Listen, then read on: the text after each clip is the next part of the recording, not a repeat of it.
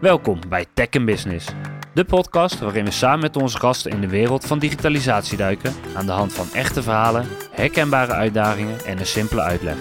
Welkom bij Tech in Business. Vandaag gaan we in op hoe Air France KLM niet alleen digitaliseerde, maar zijn volledige business transformeerde van een vliegtuigmaatschappij naar een servicegeoriënteerde travelorganisatie. We gaan in op de rol die een volledig integraal IT-platform hierop heeft, hoe internationale samenwerkingen zorgen voor een naadloze reis van deur tot deur, hoe een organisatie mee wordt genomen in veranderingen en welke innovatieve ontwikkelingen zich afspelen achter de deuren van Air France KLM en SkyTeam. Dirk, welkom bij ons in de podcast. En bedankt dat we aanwezig mogen zijn en een kijkje achter de schermen krijgen bij uh, nou, toch wel een van de bekendste bedrijven, organisaties van Nederland. Namelijk Air France KLM en SkyTeam. Uh, iedereen ziet natuurlijk alleen maar zijn of haar boardingpas, het boekingproces, service in het, in het vliegtuig. Uh, maar we hebben al geleerd dat er een hele complexe en uitgebreide wereld achter de schermen zit die niemand eigenlijk ziet. Um, maar wat ook nog eens internationaal verspreid zit en waar jullie dus eigenlijk een soort speel in het web zijn. En daar gaan we vandaag op in, in de wereld achter de vlucht, om het mm -hmm. zo maar te noemen. Dus zoals ik al noemde, vandaag gaan we in op Air France KLM, op KLM, SkyTeam. En om ons mee te nemen in, in die wereld en op deze reis hebben wij Dirk vandaag aan tafel. En Dirk, kan jij kort vertellen wie jij bent en wat jij doet? Ja, nou leuk dat ik jullie kan meenemen in dit verhaal. En de luisteraars natuurlijk. Um, ik ben 37 jaar in dienst bij KLM. heel veel mensen die vinden dan, oh jeetje, is dat niet saai. Maar ik ben begonnen als flight attendant terwijl ik studeerde. ik ben afgestudeerd in de geografie, maar op een verbeteringsprogramma voor de flight planning systemen van de KLM. Hoe kun je kortere en meer energie-efficiënte vluchten maken door betere meteo-gegevens in je flight planning systemen mee te nemen. Via mijn hoogleraar meteo ben ik terechtgekomen bij de KLM om die studie te doen. En daarna ben ik in de IT gerold in 1985. En, ja, en toen is eigenlijk de carrière binnen KLM begonnen. Ik heb drie jaar in de IT gezeten check-in systemen gemanaged en met een team collega's. Daarna naar het management consultancy bureau van de KLM directie gegaan. Dus helemaal uit de IT, maar wel systematisch denken. reorganisatie gedaan. Uh, programmamanager voor de invoering van een nieuwe organisatie. Daarna negen jaar aan de businesskant in de vracht KLM Cargo gewerkt. Uh, aan de eerste stappen met revenue management, het optimaliseren van je inkomsten en kosten door pakjes op een slimme manier over de wereld te laten vliegen en daar IT-systemen onder te leggen. En um, in, uh, de jaar, in 2000 ben ik uit de vracht gegaan en begonnen bij, uh, met een club Eager Beavers, die de opdracht hadden om in 12 maanden de eerste KLM.com uit de grond te hacken, zoals we dat soms wel eens grappende zeggen. Um, geen vragen meer over procedures. Geen uh, uh, methodologieën. Nee, gewoon in twaalf maanden een KLM.com zal er zijn. De internethype. Ja, en dat is gelukt. Geweldig enerverende tijd. En daarna in het CIO-office gaan werken in 2002. Altijd op de rand tussen business en IT. Zeg maar, hoe kan IT, hoe kan technologie een bijdrage leveren aan businesswaarde creëren? creëren. Uh, en um, ja, je zou kunnen zeggen, altijd bezig geweest met innovatie en inrichtingsvraagstukken. Dus organisatie, innovatie, dat snijvlak. Um, daarbinnen uh, ben ik in die tijd tussen 2002 en 2000 vandaag. Uh, heb ik onder andere ook 6,5 jaar in het SkyTeam kantoor gewerkt. Dat begon in 2010. En, en de opdracht daar was: nou, help mee om meer seamless travel te creëren tussen de verschillende, de 19 members van SkyTeam. Dus Air France KLM, maar ook Delta Airlines, China Eastern. Nou, zo nog 15 andere airlines die samen gingen werken in een coöperatieve vereniging genaamd SkyTeam. En waar ja, seamless travel digital enabled moest worden, om maar wat goed Nederlands te gebruiken. um, en daar ben ik nu vier jaar van terug. En eigenlijk wat ik toen begonnen ben, dat is nog steeds mijn uh, belangrijkste werkgebied van vandaag. hoe passen we technologie toe? Hoe kan transformatie van het bedrijf door technologie versneld worden? En gaan we niet alleen maar met digitalisering verder, wat we eigenlijk al heel goed deden. KLM.com, daar zijn we trots in. De, onze social media hub zijn we heel trots op. Um, en, uh, maar hoe kunnen we daar nog verder in gaan en van digitalisering naar digitale transformatie doorschieten? Zowel aan de passage, maar ook aan de uh, technische dienst, zoals we dat noemen. Ook in het uh, aircraft maintenance in de aircraft maintenance business, daar passen we, en daar kan ik wat voorbeelden straks van noemen, daar zijn we heel erg bezig met het toepassen van digitale transformatie op processen die heel erg ouderwets soms nog in elkaar zitten. Nou, dat is in nou, kort. Nou, zo. Ja. Kijk, heel nou, breed spectrum in ieder breed, geval. Uh, ja. Nou ja, zo te horen hebben we in ieder geval wel de juiste, de juiste man binnen KLM aan tafel zitten. Um, ja, je benoemde het net al eventjes, uh, SkyTeam. Um, ik denk dat heel veel mensen KLM kennen. Ik denk dat heel veel mensen ondertussen Air France KLM uh, ook kennen. Uh, SkyTeam zal misschien nog een beetje onder het uh, kopje wel eens van gehoord vallen. Kan jij ons eens uitleggen wat nou Air France KLM, KLM en SkyTeam is? Ja. En wat dat dan, hoe dat zich dan tot elkaar verhoudt? Ja. Nou, een van de dingen die ik altijd erg belangrijk vind, is kijken vanuit de klant. En, en de, de reisklant, de de logistieke, de vrachtklant, uh, die, uh, die zien eigenlijk Air France KLM niet zo vreselijk veel. Want het merendeel van de zaken doe je via KLM of Air France. Je koopt een ticket bij Air France of een ticket bij KLM of bij Transavia, de andere dochter in ons bedrijf, de andere brand. Um, dus klanten zien nog steeds, gelukkig maar, KLM, die zien Air France, die zien Transavia. Um, je zou de aandeelhouder ook een klant kunnen noemen natuurlijk. En dat is waar de Air France KLM groep naar voren komt. Uh, de, uh, want wij zijn uh, de Air France KLM groep, die is, die is beursgenoteerd. gewoon publiek ja. verhandelbaar. En, ja, en de inkomsten komen dus binnen bij de airlines, de drie airlines. Daar worden de ticketinkomsten, de, de vrachtinkomsten ja. ver, ver, verrekend, zeg maar. En, uh, en de resultaten van de airlines die tellen op tot een groepsresultaat waar dan een, een, een, eh, een, eh, een aandeelhouder klant ja. belangstelling voor heeft. Dat is zeg maar even heel kort ja. en platgeslagen de verschil tussen Air France, KLM, Transavia enerzijds en de groep anderzijds. Uh, en dat proberen we natuurlijk slim synergieën te creëren dwars door de airlines heen.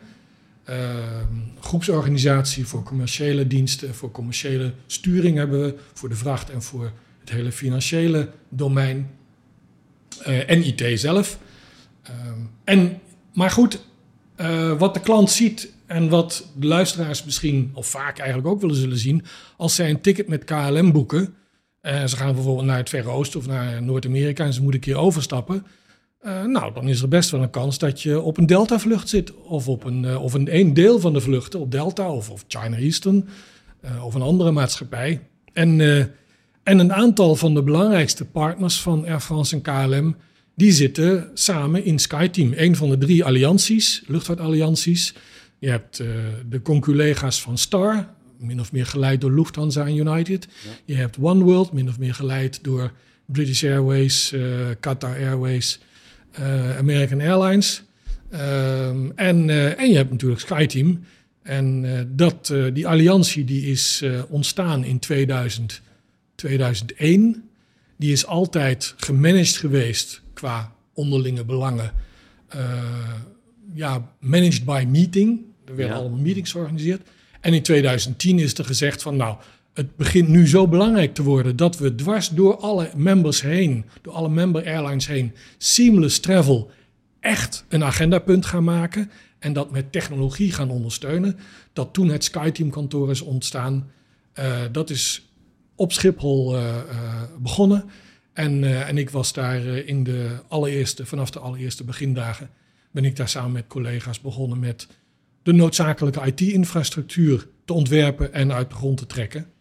En, uh, en uiteindelijk, zoals ik al net al een beetje aanstipte, het uiteindelijke doel is om uh, daar waar steeds meer samenwerkingsverbanden en partnerships ook op het ticket staan, ja. uh, moeten we dat niet alleen maar verkopen, maar moeten we dat ook handig aan elkaar gaan knopen. Zodat als je een ticket op KLM koopt of een Delta-klant koopt een ticket met Delta via de Delta-app, dat hij dan altijd in zijn app kan blijven, de app van de klantskeuze, ondanks dat er misschien een check-in moet gebeuren op een KLM-vlucht, op een andere partnervlucht. Uh, ondanks dat je misschien in een loyaliteitsprogramma zit dat niet van Delta is, maar van China Eastern. En dat je je puntjes wil sparen, je frequent traveler miles wil sparen in dat andere programma. Nou, dat soort dingen. Dus een aantal, uh, een toenemend aantal use cases waarbij de klant dus benefit heeft van een intensievere en digitally enabled samenwerking. Dat is waar SkyTeam mee bezig is. Dus SkyTeam ziet een klant eigenlijk niet, en daarom noemen we dat ook wel eens, SkyTeam performt het beste door het als SkyTeam Insight te zien of te promoten. Dus uh, in het SkyTeam Office uh, is het, het idee van SkyTeam Insight niet Look at Us op de voorgrond, maar de technologie eronder, onder die van de samenwerkende members leggen en dan zorgen dat de klant een zo seamless mogelijk travel heeft. En om je een idee te geven, 25% van onze klanten, KLM, Air France klanten, heeft tenminste één wat we noemen segment, één vlucht in feite op een andere partner, op een niet-KLM vlucht. Dus, dus dat, okay. dus dat is belangrijk. En dat, en dat neemt toe, hè, want de druk om je globaal te presenteren in de wereld uh, neemt toe. Uh, je kan ook meer sustainability uh, doelstellingen bereiken door nauwer samen te werken. En dat betekent, nou, hoe doe je dat? Hoe kun je dat alleen maar doen? Ja, dat is door die IT-systemen die ja, alles richting die app van die klant drukken of naar de website drukken, om die goed op elkaar te laten aansluiten. Dus dat is in feite al een eerste vorm van platformontwikkeling, platform met hele kleine lettertjes, uh, ja, die, die er is. Dus iedere airline, KLM, Air France, Delta en al die andere 18 uh, eh, airlines, iedere airline heeft zijn eigen IT, maar op een aantal use cases moet je met elkaar steeds nauwer gaan samenwerken. En ja, uh, en dat heeft ook efficiencies en synergieën. Dan daar ehm, op, op, hoe dit tot stand is gekomen en welke voordelen het biedt, et cetera, daar gaan we zo meteen nog even op in. Maar je gaf net al aan, er zit natuurlijk een hele IT-laag onder, een hele wereld onder die niemand kent, maar wel ontzettend belangrijk is om alles goed te kunnen uitvoeren. Ja. Uh, voor we daarop doorgaan, um, het, het, de, wereld van KLM, eh, Schiphol, noem het maar op. jullie zijn nogal in het nieuws. Um, en door corona, uh, waardoor in de dus periodes gewoon zijn geweest waar er amper gevlogen mocht worden, begint nu alles weer op te starten. Um, kan je ons kort eventjes meenemen in hoe die wereld van KLM er op dit moment uitziet? En dan ook even inderdaad... Ja, misschien eventjes terug dan naar, naar COVID. Uh, we mochten wel vliegen, maar we mochten geen passagiers meenemen. Nee. En uh, ja, dat is, ja, maar dat is een ongelooflijk belangrijk verschil. Ja. Want een paar slimmerikke collega's bij de vracht die hebben toen gezorgd dat niet alleen maar de vracht onderin, wat we noemen de bellies, ging. En in de combi ja. 747's. Maar dat we ook vracht konden meenemen op een veilige manier op de stoelen van passagiers die niet mee mochten. Die heb ik gezien, die foto's en die filmpjes. Dus, dus en, en uh, ja, ik heb zelf een negen jaar bij de vracht gewerkt. Dus ik zeg altijd, ja, wat er bij de vracht gebeurt, gebeurt later bij de passagiersdivisie. Um, vracht loopt altijd een beetje voor, ook in de economische cyclus. Als de economie omlaag gaat, dan volgt negen maanden daarna pas de passagebusiness. Dat is een soort ijzeren wet. Maar het feit dat we dus wel mochten vliegen, maar dat we door slim snel te innoveren bij de vracht in staat waren om tot dan toe onvermoede inkomstenstromen te genereren. Want ja, al die vaccins moesten de wereld over. Alle logistieke chains lagen op hun gat, om maar zo uit te drukken. Uh, maar doordat we dus uh, cargo in cabin konden doen, zoals dat heet, ja. uh, bleek de vracht, zeg maar de kurk, het, het, het ja, live vest van ons bedrijf te zijn. En daar zijn we dus heel erg, ja, dat, dat heeft ons gered, zeg ja. maar. Um, dat was COVID en daar zijn we weer uitgetrokken. En gelukkig lijkt het erop dat ja, passagiers of reizigers, of dat nou voor vrije tijd is, uh, of voor business, die lijken toch in uh, grote getalen terug te komen. Gelukkig. En dat is hartstikke fijn. Ja. ja. Nou, en ja, en over Schiphol. Ik had gehoopt dat je de vraag niet zou stellen. maar ja, het is, um, het is natuurlijk buitengewoon unfortunate uh, dat dat allemaal gebeurt. Um, we waren er allemaal bij. Uh, we hebben allemaal een deel van het probleem helpen ontstaan. En, en dan we bedoel ik Nederland. Want we hebben ook met de regering natuurlijk een, een, ja, een beleid gevoerd van Schiphol Mainport. Daar stond iedereen min of meer achter. Uh, met een paar uitzonderingen natuurlijk. Uh, maar we, misschien hadden we dat, maar dat, dat zeg ik meer op persoonlijke titel. Misschien hadden we daar toch wat lange termijnachtiger naar moeten kijken. En gelukkig, in feite, via de band van sustainability, is er een soort wake-up call nu van ja, ja, kunnen we, kunnen we nog. Uh, kunnen we nog zo doorgaan? En sustainability bedoel ik dan niet alleen maar CO2 en, en emissie, maar sustainability ook in arbeidsvoorwaarden uh, en dat soort zaken. Want ja, het zo goedkoop mogelijk maken van Schiphol door ja, bepaalde groepen werknemers misschien uh, ja, tijdelijk niet voldoende te betalen.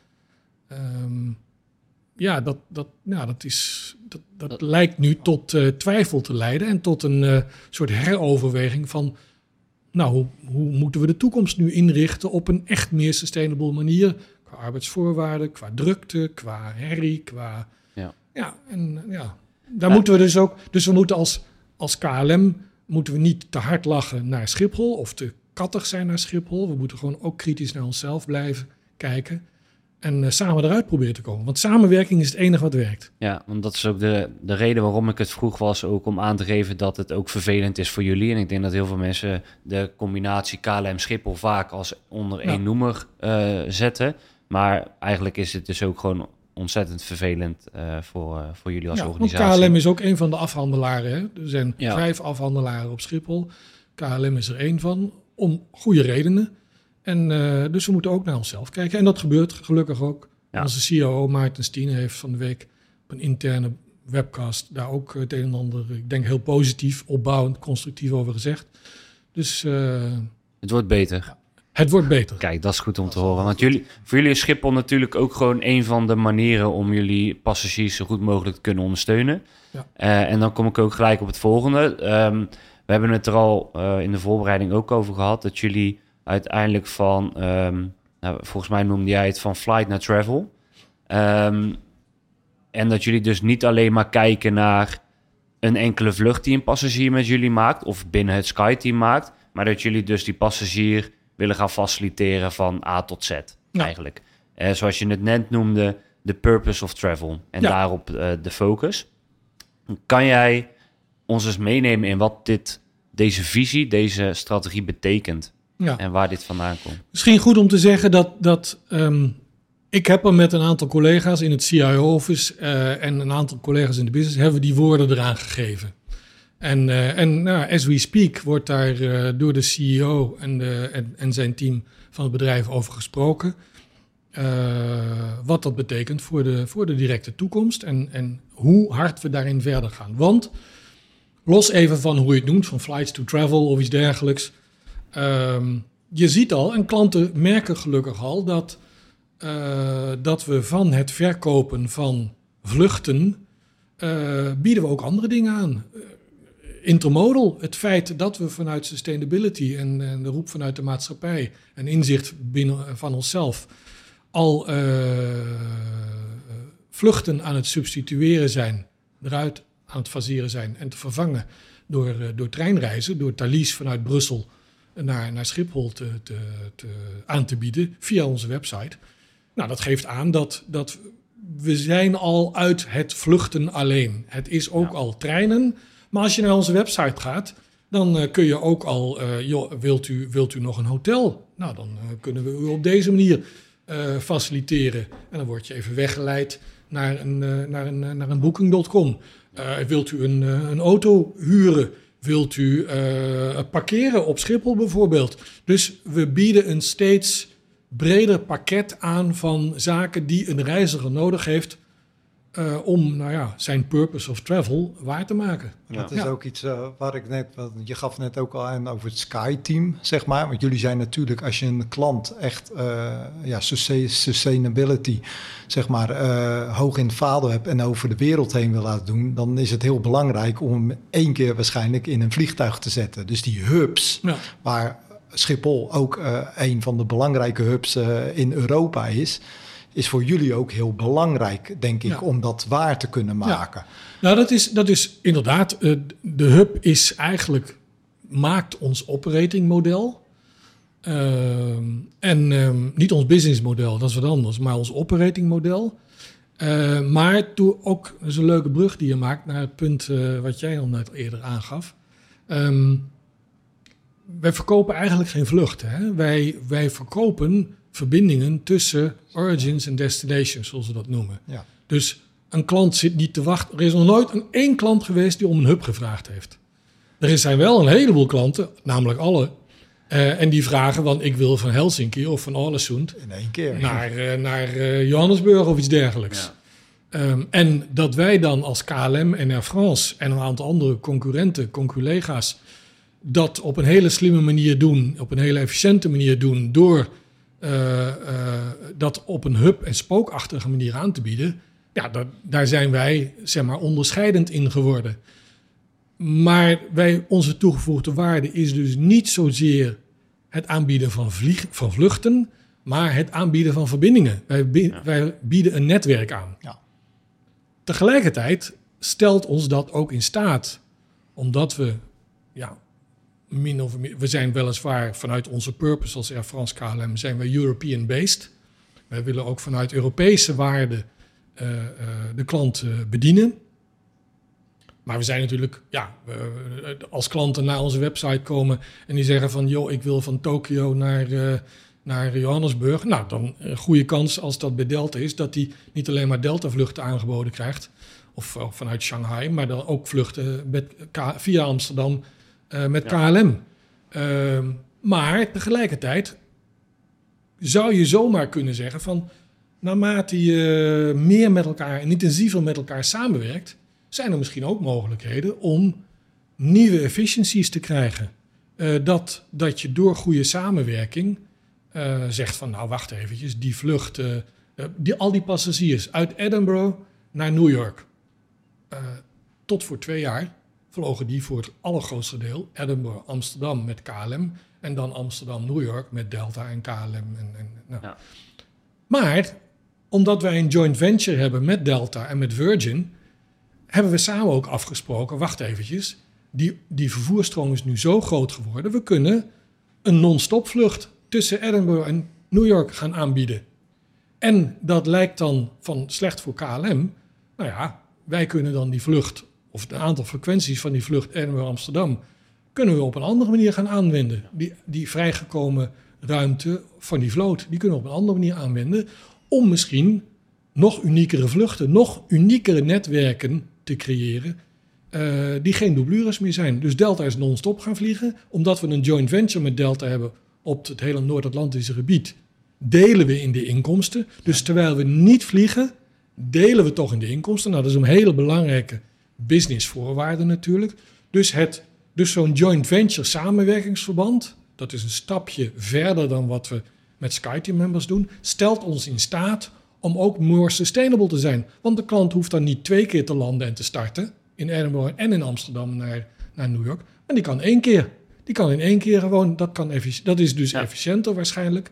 Uh, minder emissies op de langere termijn je kan dus in alliantie en joint venture verband slimmere netwerken ook gaan creëren. Plus ook fijner, denk ik, voor een passagier om in één keer te vliegen dan in plaats van over Amsterdam. dus het is ook vanuit een passagiersgedachte ja. Precies. fijner. Everybody wins. Climate, klanten en wij zelf als airlines met onze partners. Ja. ik kan me ook voorstellen dat uh, deze omslag die jullie aan het maken zijn... Um, ook bepaalde elementen binnen jullie organisatie uh, raken.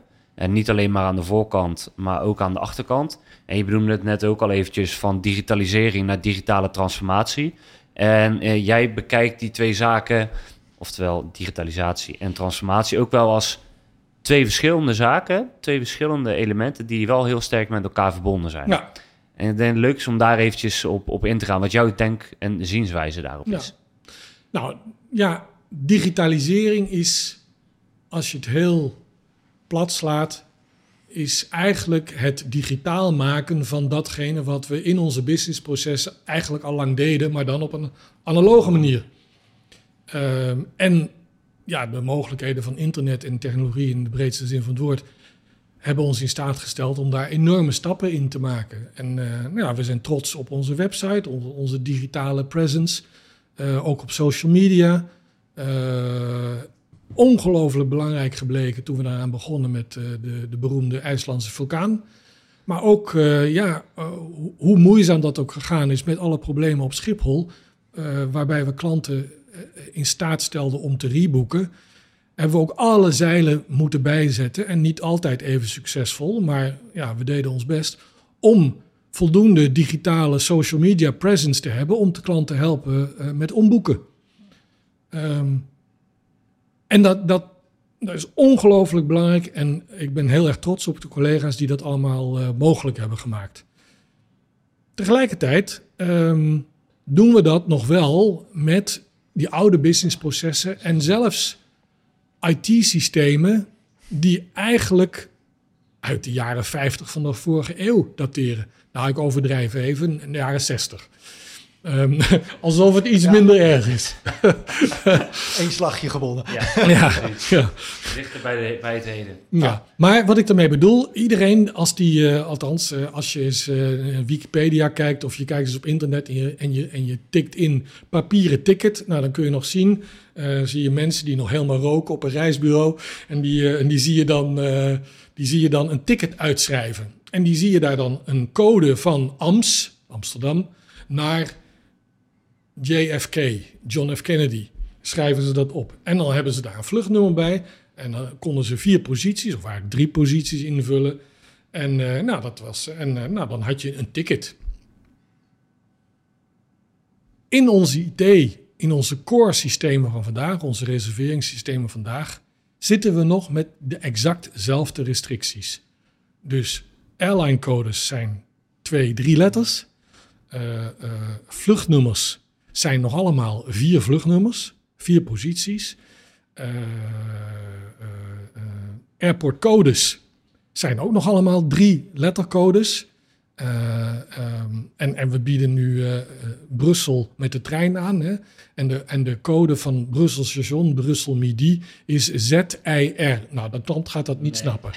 Nee, ik wou net zeggen, want levert dat nog levert dat problemen Ja. op, die codes die je nu hebt? Die, zijn wel dus- internationaal- ja. die zijn wel internationaal afgesproken. Nee, du- dus goed punt, uitstekend punt. Dus het grote voordeel is dat we, eh, omdat de luchtvaart van oorsprong heel erg internationaal was, grensoverschrijdend, zijn we als luchtvaartindustrie ook heel snel begonnen met standaardisaties. Met standaarden bouwen, zodat je makkelijker die interoperability met technologie kunt, kunt, eh, kunt ondersteunen. Maar tegelijkertijd eh, zijn we eh, bezig geweest met het niet meer alleen aanbieden van vluchten met een vluchtnummer. En daar zat dan alles in. Daar zat in je maaltijd en je stoel, kon je zelf gratis kiezen. En eh, hoeveel, hoeveel bagage je kon meenemen en dat soort dingen. Dat was allemaal onderdeel van die vlucht. Dus het enige wat je hoefde te kopen en te weten was je vluchtnummer. En dan zat er een, wat we noemden, een passenger name record. Zat er aan, je boekingscode. Kennen we allemaal, moet je intypen Ja. als je gaat inchecken. Nog steeds. Ehm, maar dat zijn in feite relicten uit een verleden. En stel je dus nu voor, de situatie waarin we as we speak zitten, is... Maar nou gaan we een eh, wifi aanbieden aan boord. Nou gaan we eh, een, eh, een hotelkamer aanbieden. Nou gaan we treinen, treinvluchten tussen aanhalingstekens aanbieden. Ehm, dat past helemaal niet. Al die wat we noemen geunbundelde, ongebundelde eh, eh, diensten, eh, die, kunnen, die, die passen helemaal niet meer op dat ticket. Maar dan zeg je dus, we zijn lekker digitaal aan het transformeren aan de ene kant. Maar doordat we eigenlijk in het verleden nog zitten met ja, oude waarden, normen of afspraken, Ja. gaat ons eigenlijk dat tegenhouden. Ja, dus, dus, dus vanmorgen hebben we met een aantal slimmerikken uit nou, mijn collega's, de enterprise architect uit het CEO office, maar met de business collega's die zich met nou, de visie voor de komende jaren bezighouden. Daar hebben we een heel goed gesprek over gehad van, maar wat zijn nou, want dat moet ergens aantoonbaar zijn, anders is het niet migreerbaar. Wat zijn nou precies de restricties die we vandaag hebben, waardoor we niet op die handige manier voor de klant, zoals je een hotelrekening, als je een hotelrekening krijgt, dan staat er op slaapkamer, je hebt misschien nog wat van de minibar gebruikt, je hebt in het restaurant nog wat gegeten, staat allemaal keurig netjes op die ene hotelrekening. Zo werkt het bij ons niet. Dat, daar zijn onze systemen nog niet op berekend. Dus wij zijn nu bezig om een migratiepad uit te stippelen over wat voor veranderingen away from legacy moeten we nu doen om ja, maar die, dat, dat, die toekomstige manier van zaken doen, die retailing, travel retailing, te gaan ondersteunen. En dat is, en dat is dus waar digitalisering ophoudt. Ja. En dat is waar digitale transformatie begint. En om je een heel concreet voorbeeld te noemen.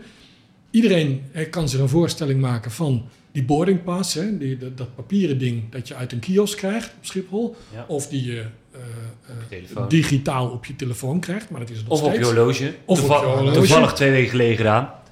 Maar dat is nog steeds eigenlijk gewoon het digitaal maken van iets wat op papier al een eeuwigheid leeft.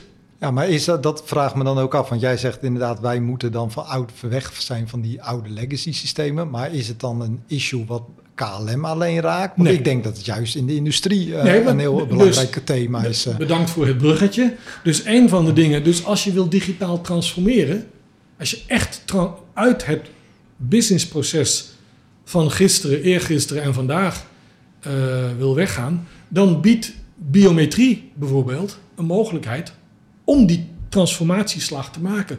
Want uiteindelijk wil je als klant aankomen op Schiphol of op je, je, je ergens waar je bent. En dan wil je door, ja, uh, door, je, door je oog uh, uh, ergens tegenaan te houden, wil je, je je netvlies gescand hebben, zodat je daar al herkend wordt en dat je gewoon door een poortje gaat. En misschien zijn er jullie of luisteraars hebben al experimenten op Schiphol of, of in Amerika bij de collega's van Delta meegemaakt waarbij het hele boardingproces op basis van uh, gezichtsherkenning plaatsvindt. Dus hetzelfde als wat ik op mijn iPhone doe met uh, Face ID. Ja, dat, dat is eigenlijk je boarding pass van de toekomst. Dat is de technologie, de digitale transformatie die ons in staat stelt om, je hebt eenmaal wat gekocht, er is een link, je bent bekend bij, uh, bij ons in ons order management systeem. En, uh, en, daar is ook, en daar kunnen we dan de koppeling leggen met jouw gezicht, als je daar toestemming voor gegeven hebt. Ja, ik wou net zeggen, want als je daar, ja, precies. Als je daar ja, Natuurlijk, nee, maar ik, ik neem goed dat je het aangeeft. Binnen alle GDPR-wet en regelgeving natuurlijk moeten we dat geregeld hebben. Maar de technologie gaat ons steeds meer in staat stellen om echt afscheid te nemen van oude processen en niet alleen maar met dat dus afscheid van businessproces en eigenlijk alleen maar te kijken naar de business outcome. Dat is mijn, mijn stokpaardje een beetje. De outcome van dat, jij, dat jouw gezicht herkend wordt, is dat jij aan boord wordt gelaten. De outcome van dat jij herkend wordt aan je gezicht of aan je vingerafdruk en dat jij een lounge binnen mag, dat is een outcome. Het feit dat jij een search hebt gedaan op onze website en dat jij een offer van ons krijgt, dat is een outcome.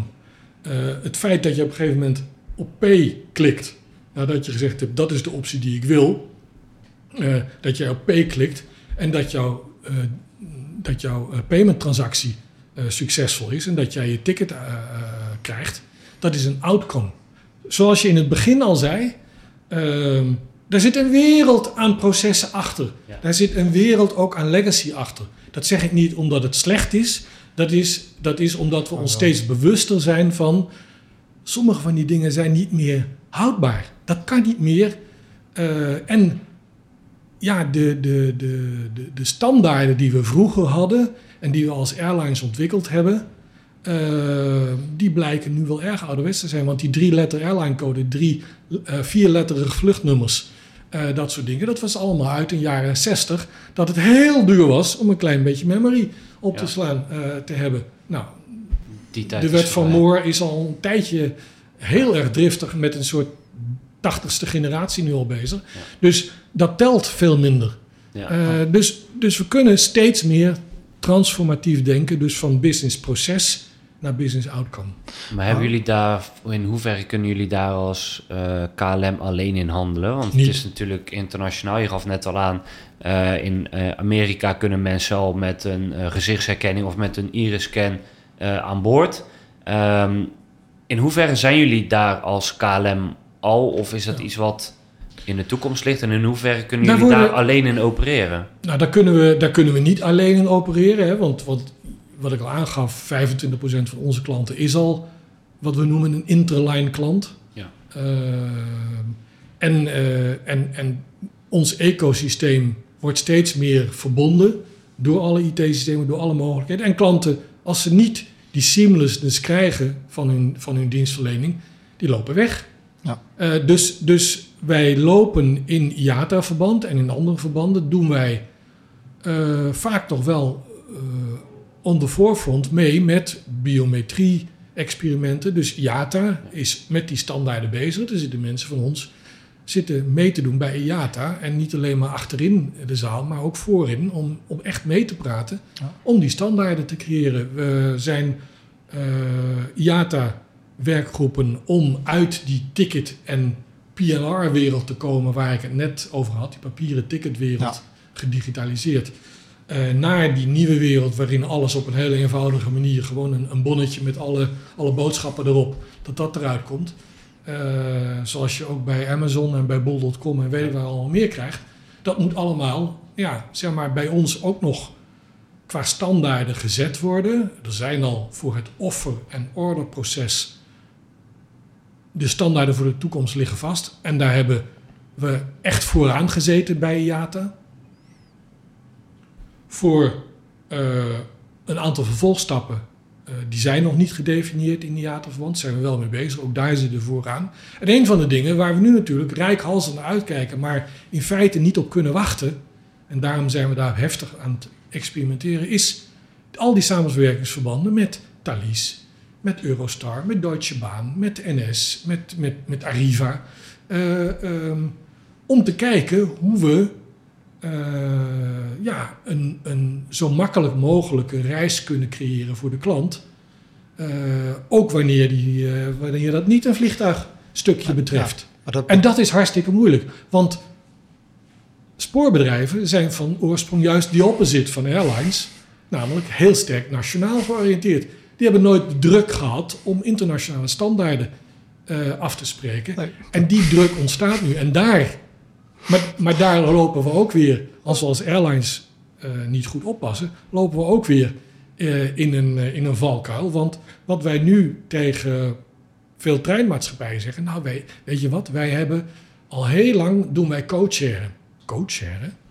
Ja, dat is nou, een bepaalde manier van, van systematiek om in IT-systemen de vlucht van een andere airline te doen voorkomen alsof het je eigen airline is.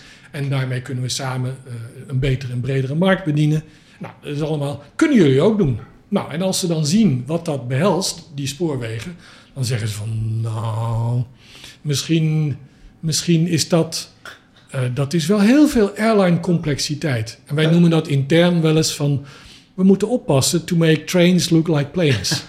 Maar eh, ik, ik ken toevallig eh, de airline, eh, of niet de airline, maar wel hetgeen vanuit de terreinen. Omdat ik toevallig bij een bedrijf heb gezeten die juist de interoperabiliteit tussen de treinen in Europa eh, regelt. Dus voor mensen die uit Amerika komen of uit China, dat zij zorgen dat mensen op een eenvoudige manier door Ja. Europa met de trein kunnen rijden. Dus ik heb, eh, ja, wij hebben daar ongeveer eh, zo'n 200 eh, van die ja, verschillende standaarden in, de, in de, die wereld Mhm. mogen ja, aan elkaar mogen knopen.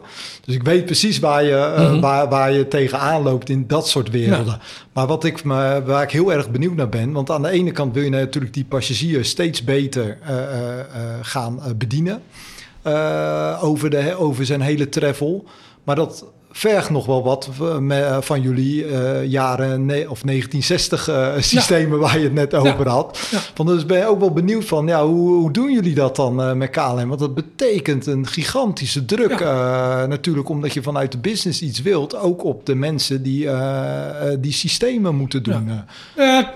gelukkig bestaat er, zijn we inmiddels in een stadium dat, dat er geen discussie, of ja, het gevoel dat we iets moeten met uh, die oude tickets en oude PNR's en, en uh, wat heb je al iets meer. Het gevoel dat we iets moeten, dat dat niet houdbaar is, dat is ongeveer wel breed gedeeld binnen het bedrijf.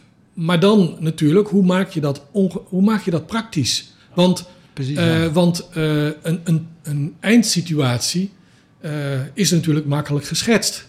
De migratie is het lastigste. Ik, ik, ik woon in Blarikum en ik herinner me, en ik kijk er altijd met bewondering nog steeds naar, hoe knooppunt Muiderberg op een gegeven moment een paar jaar geleden op de schop is gegaan.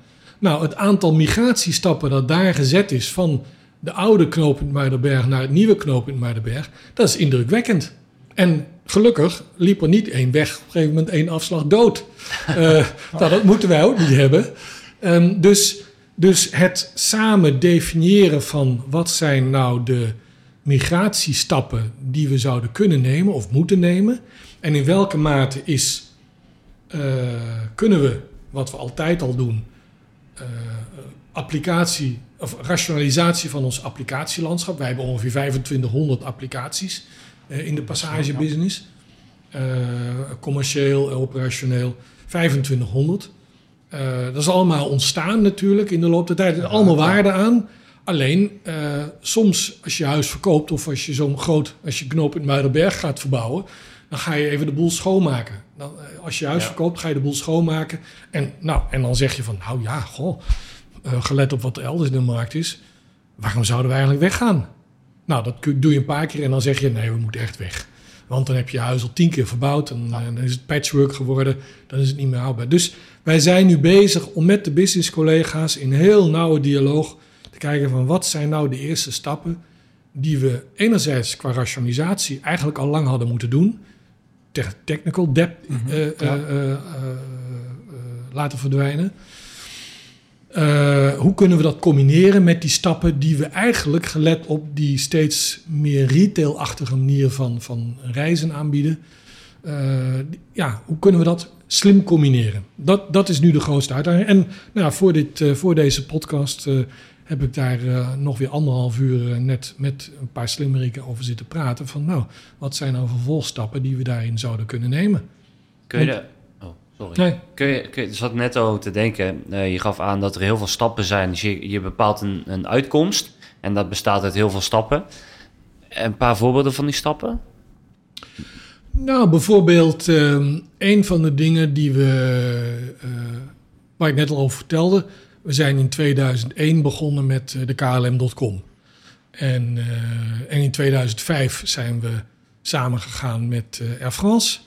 En eh, die hadden hun airfrance.com. En nou, we hebben een aantal jaren gedaan om zeg maar, de, de, alle digitale uh, interactie die daaronder ligt, onder die dotcoms, om die samen te voegen. Zodat als we iets nieuws gingen aanbieden als Air France KLM, dat we dan niet twee verschillende websites op twee verschillende manieren moesten gaan bijhouden. Digital convergence noemden we dat. Nou, dat hebben we allemaal hartstikke goed gedaan. maar dat is dus helemaal voor dat specifieke kanaal, voor dat wat we noemen direct online kanaal, hebben gedaan. Daarnaast is een heel belangrijk deel van onze business is het indirecte kanaal. Dus via reisagenten en dergelijke, OTA's, online travel agents en dat soort uh, bedrijven. Uh, daar heeft, hebben nieuwe industriestandaarden, die we New Distribution Capability noemen, die zijn in IATA context gemaakt, mede door ons ontworpen, messaging standaarden, waardoor een offer dat we als airline zelf maken, dat we dat ook rechtstreeks via die online travel agent of dat reisbureau kunnen doorgeven aan de klant. Vroeger was het zo dat wat we aanboden, daar kon de reisagent uh, ja, misschien nog wat dingen mee doen waar we misschien dan nog wel eens discussie over zouden willen hebben. Kortom, ik diplo diplomatiek uitgedrukt. ehm, wij zagen liever dat onze offer rechtstreeks, weliswaar via die tussen, tussenstap van die waarde toevoegende reisagent. We zagen liever dat onze eigen offer helder naar voren kwam. En dat die reisagent dan zijn eigen waarde toevoeging ook expliciet maakt op een andere manier. Maar onze offer first. Nou, in dat, in dat kanaal hebben we dus hele grote stappen gezet. Maar nu hebben we feiten twee belangrijke kanalen. Onze eigen directe online kanaal, onze eigen .com. Maar ook dat indirecte kanaal via die reisagenten. Dat zijn, daar zitten twee verschillende architecturen onder. Ja. Nou, een van de dingen die je wil hebben... is dat als de klant zijn boeking maakt eh, via de .com... via het directe online kanaal... maar straks gaat er iets mis... En dan belt hij naar ons callcenter en dan wordt daar in de, in, de, in de core systemen gekeken, dat dan diezelfde waarheid voor die klant daar ook staat. Dat is niet altijd het geval. Dus, het, dus in een van die migratiestappen, dus in, om het antwoord op je vraag concreet te maken, is eh, meaningful steps zijn het channel onafhankelijk maken van die IT-lagen die eronder liggen. Onder die twee Ja. verschillende kanaaluitingen. Ja, en waar ik dan benieuwd ben, wat voor technologie eh, helpt jou, de, helpen jullie dan in, de, in, dit soort, eh, ja, in dit soort veranderingen? Van, eh, wat, je hebt low-code, om het maar even te Ja. zeggen, hè, wat je heel veel nu hebt. Van, hoe, hoe ziet dat eruit bij jullie? Want je wilt toch snel veranderen voor een klant en Mhm. snel op zijn nieuwe vragen in kunnen spelen. Van, eh, hoe doet eh, KLM dat? eh? Ja, ik, op die vraag moet ik passen. Eh, eh, dat, dat gaat, daar acht ik me niet eh, competent genoeg voor. Dus alles wat ik daarin zou zeggen, dat, eh, dat kan ik niet doen. Daar heb ik echt de, de enterprise architecten en de domeinarchitecten voor nodig om dat te beantwoorden. Oké. Je gaf in, ehm, in ons eerdere gesprek aan dat de complexiteit van een applicatielandschap is een reflectie van de organisatie. Ja. En als jij, ik zit hier zo naar te luisteren en dan denk ik, het klinkt heel erg complex. Mhm. Betekent dat enerzijds dat jullie ehm, organisatie complex is? Ja, onze, ja, het al, voluit, volledig, eh, eh, heel hard. Ja, wij hebben een hele complexe organisatie. Tweede vraag. Ja. En daarop gelijk volgend. Hoe ervaren jullie mensen dit? Want ik kan me voorstellen dat een, een, niet alleen digitalisatie, dat is al vaak een hele grote sprong voor mensen. Jullie trekken hem nog verder richting transformatie. Ehm, ja, nogmaals, hoe, hoe ervaren jullie mensen dit? Is dit echt Ja. een uitdaging voor hen? Ja, dat is ehm, ehm, het punt dat je maakte, wat ik, wat ik wel eens zeg, technical debt en, en de, de, de, de complexiteit van het applicatielandschap is het gevolg van, eh, is een weerspiegeling van je organisatie. Van, zoals we in iedere grote organisatie hebben, silo's. Ja. eh, afdelingsgewijze prioriteitsstelling. Eh, en, en voor een aantal dingen werkt dat. Voor een aantal dingen werkt dat ook niet.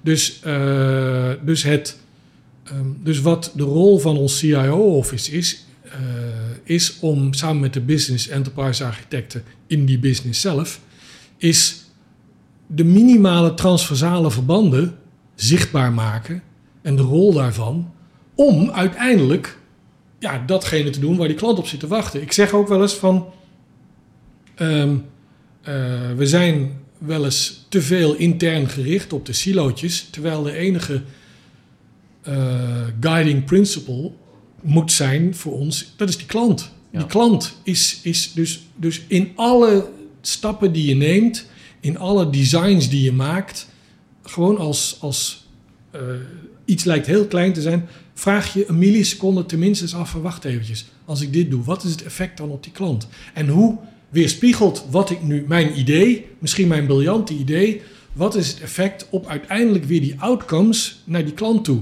Wat is Ja. het effect op offer? Wat is het effect op het orderen? Wat is het effect op payment? En wat is het effect op de delivery? Als iemand een briljant idee heeft om een nieuw product te lanceren, eh, wifi aan boord. Eh, nou, het is bijna onvoorstelbaar dat het er niet was. Maar het, dat, eh, het is too obvious natuurlijk om te bedenken dat iemand op het hoofdkantoor die kan wat bedenken. Maar vervolgens moeten al die dingen, die wifi, eh, moet wel ingebouwd worden in al die vliegtuigen. Dus je kan een briljant idee hebben upstream, maar het moet downstream ook gerealiseerd kunnen worden. En het jezelf als onderdeel van die organisatie constant afvragen: wacht even, wat ik poneer, past dat upstream, past dat downstream, kan, is dat maakbaar? Dat, zouden, dat zouden mensen meer moeten doen, zou ik haast willen zeggen. en, en dat is de rol van. Ja. En, en dat betekent, to your point, um, dat betekent dat uh, vrijheden die soms genomen zijn, om goede redenen in het verleden genomen zijn, misschien worden die wel eens ter discussie gesteld. En, en dat is dus, uh, en dan moet je, en dat is wat we proberen te doen, je moet een ongelooflijk goed verhaal hebben met heel veel voorbeelden. Dus je moet echt um, niet alleen maar iets weten over low-code, wat ik niet doe, maar je moet ook heel erg als IT'er en als, zeker als architect moet je diepgaand be, be, be, ja, bekend weten met de businessprocessen ja. waar mensen iedere dag mee bezig zijn. Dus, dus uh, en er zijn heel vaak hele goede redenen waarom dingen gebeuren, nog steeds zo gebeuren als ze al 30 jaar gebeuren. Ja. Alleen de kunst is natuurlijk om dan daaruit te komen als, ja, als het echt grenzen gaat krijgen. Ja, en, als je de, dat, en ik, ja. laatste punt misschien, ik stel wel eens tegenover technical debt, organizational debt. Precies. Ja. Dus uh, dat was hem. nee, dat, dat was inderdaad een van de dingen. Ik was meer van, ja, wat zijn dan die succesfactoren die je daar dan uh, zou doen? Hè? Omdat ja. ja je moet uh, aan de ene kant moet je de ene kant doen en aan de andere kant heb je natuurlijk ook organisatie ja. die daar mee speelt. Ja, en, en, en, en misschien twee voorbeelden. Ja, binnen IT hebben wij historisch gegroeid. Hebben wij een development organisatie en een, wat we noemen, distributed service organisatie. Die, uh, die netwerken levert, netwerkconnectiviteit en, uh, en werk, uh, werkstations en weet het al, meer laptops. en dan gewoon een operationsafdeling. Ja, um, er zijn tientallen bedrijven die hebben niet die driedeling. Die hebben gewoon de development en operations met service levels agreements. Die hebben we ook wel. Maar onze organisatie, ja, die is op een gegeven moment zo gekozen. tien jaar geleden om dat zo te doen, 15 jaar geleden. En ja, dat werkt en er zijn nog geen grote, grote redenen om dat om te zetten. En aan de businesskant, uh, vanuit dat verleden, hebben we heel traditioneel, en dat is ook nog in heel veel airlines zo, um, een organisatie die zich bezighoudt met distributiepolicy. Een organisatie die zich bezighoudt met pricing en revenue management, een van onze core business uh, capabilities. Uh, die zich bezighoudt met dat digitale online kanaal, de, hele look and feel, de website en dat soort dingen. Uh, en nog een, een afdeling die zich bezighoudt met die ancillaries, al die andere producten en diensten beyond de vlucht, waar klanten ook bereid uh, voor zijn te betalen.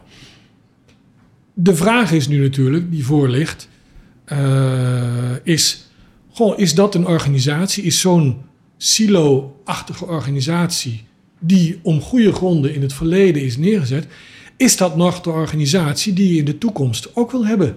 Misschien moet je wel, ik, ik, ik gooi hem nu maar even op, maar misschien moet je wel denken van nou, uh, een offer maken, datgene wat telt voor die klant, of een order nemen, daar zit die hele wereld onder. En dat is een heel nauw samenspel van distributiepolicy, van pricing revenue management. Wel, welke ancillaries kunnen we waar wel in de markt zetten en leveren en waar niet in de markt zetten.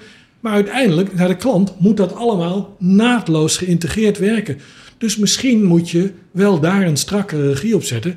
En ik, ik verzin een ter plekke, moet je wel naar, in plaats van die, die silo's die ik net noem, moet je naar een uh, een, een organisatie die gewoon de offers, punt, ja. uh, uh, orchestreert. Ja. Een senior vice president of een management. Ik mag het allemaal niet voorstellen, maar het, het idee dat je af en toe datgene wat je om goede reden in het verleden hebt gedaan, um, dat je daar voor jezelf gewoon een kritische vraag stelt van, goh, is dat nog steeds handig? Gelet op al die dingen die we toch met elkaar proberen te adresseren vanuit de technologie, is daar dan ook nog de juiste organisatie bij? Ja, Dirk, je gaf het ook aan dat uh, technologie vaak voor jullie ontzettend belangrijk is. Dat komt ook wel naar voren in al jouw voorbeelden.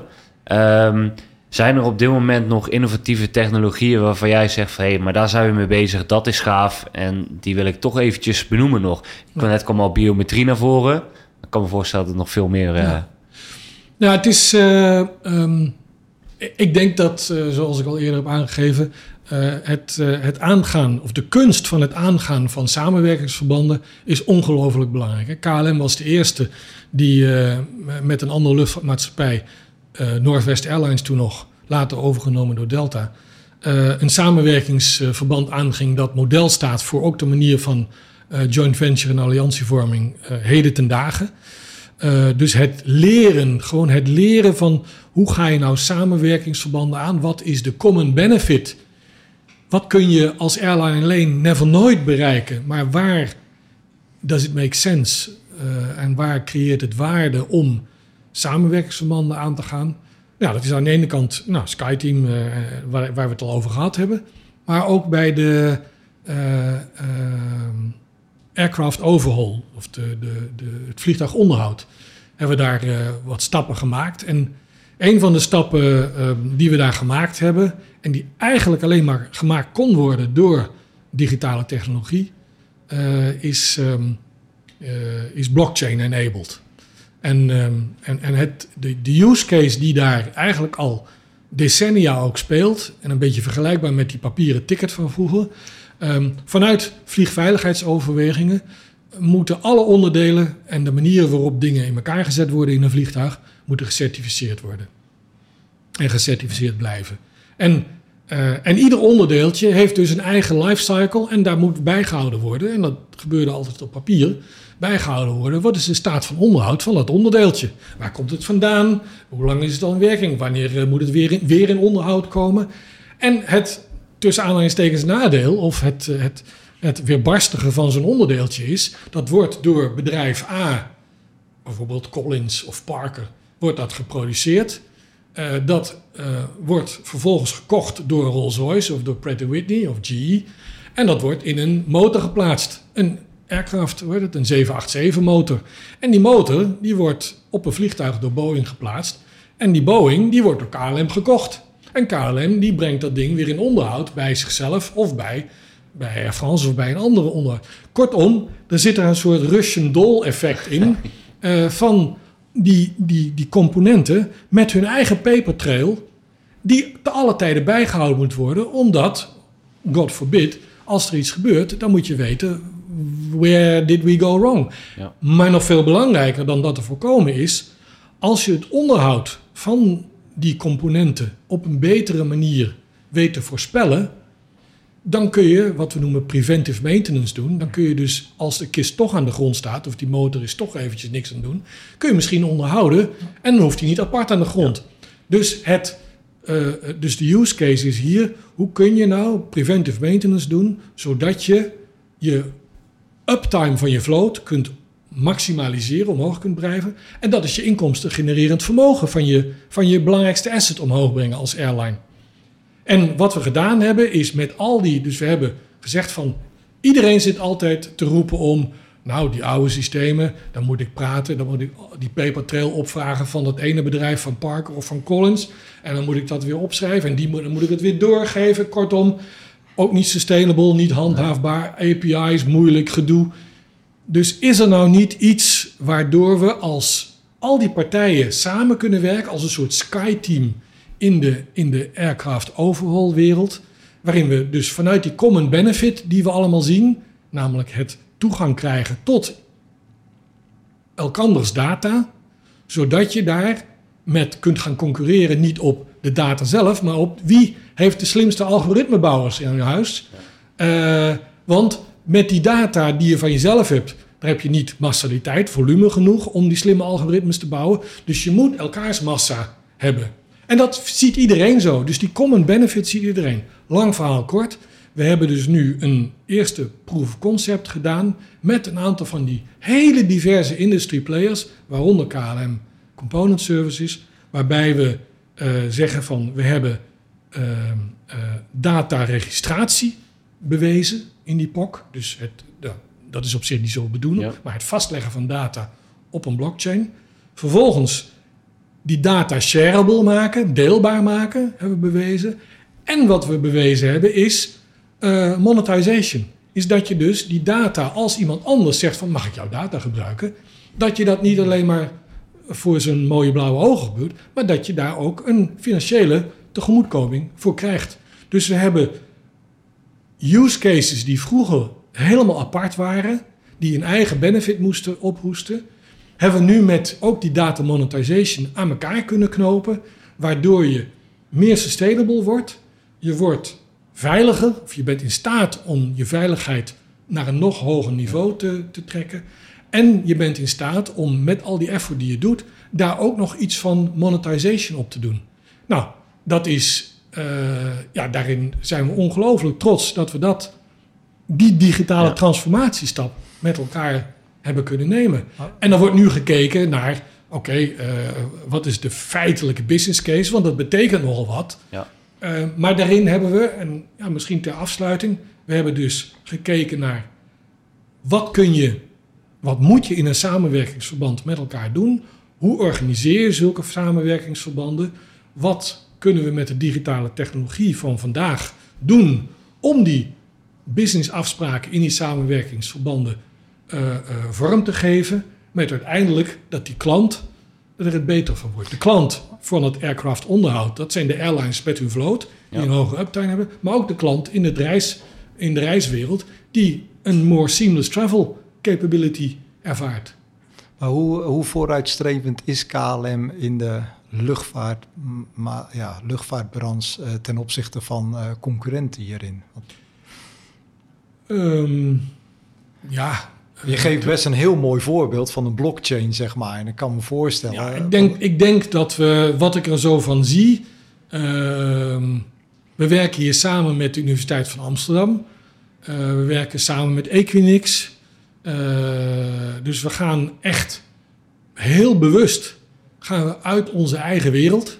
En we laten die buitenwereld binnen. En ja, daar zijn we toch wel nogal voorloperig op. En, en dus we maken echt een punt van innovatie. Maken uh, proefconcepts, proberen. Uh, nou, wat hebben we nog meer? Veel vast. Ja. Dus, dus, we hebben ook gedurende die weg van proberen echt aan het innovatieve voorfront te staan. Hebben we ook fouten gemaakt, maar dat moet. Dat daar leer je van. Uh, maar we weten dat dat, dat dat uiteindelijk helpt. Want je kunt wel een voorsprong nemen en uh, ja, de concurrentie is zodanig moordend om ons heen. Dat ja. je, ja, dat, dat, dat, dat moet je. Ja. Je moet dus vooraan staan. En ik denk op deze innovatieve vooraanstaande noot, denk ik, uh, je vatte hem net eigenlijk al ontzettend goed samen. Uh, hetgeen wat allemaal voorbij is gekomen in deze podcast. Dus ik denk dat we op die noot gaan afsluiten. En dan Dirk wil ik jou ontzettend bedanken voor het kijkje in de keuken van KLM. Air France KLM, Air France SkyTeam en van alles wat er omheen hangt. En uh, ik hoop dat wij elkaar uh, nog een keer spreken. Was uh, heel leuk om te doen en leuk gespreken. Dankjewel. Dankjewel. Dit kijkje in de keuken laat zien dat er een hele wereld schuil gaat achter jouw persoonlijke reis van punt A naar B. En dat jouw purpose of travel voor Air France KLM op nummer 1 staat. Om dit mogelijk te maken gebruiken ze technologie als enabler en kijken ze continu vooruit als frontrunner. We gaan van digitalisatie naar transformatie van een business process approach naar een business outcome approach en van een airline naar een service-georiënteerde travelorganisatie. Allemaal met jou als reiziger op nummer 1. Voor iedereen die geluisterd heeft, deel deze podcast met je netwerk. Laat ons weten wat je ervan vond. En mocht je vragen hebben, kun je ons altijd bereiken via onze website. Bedankt voor het luisteren en hopelijk tot bij onze volgende podcast. Eden. Technology made human.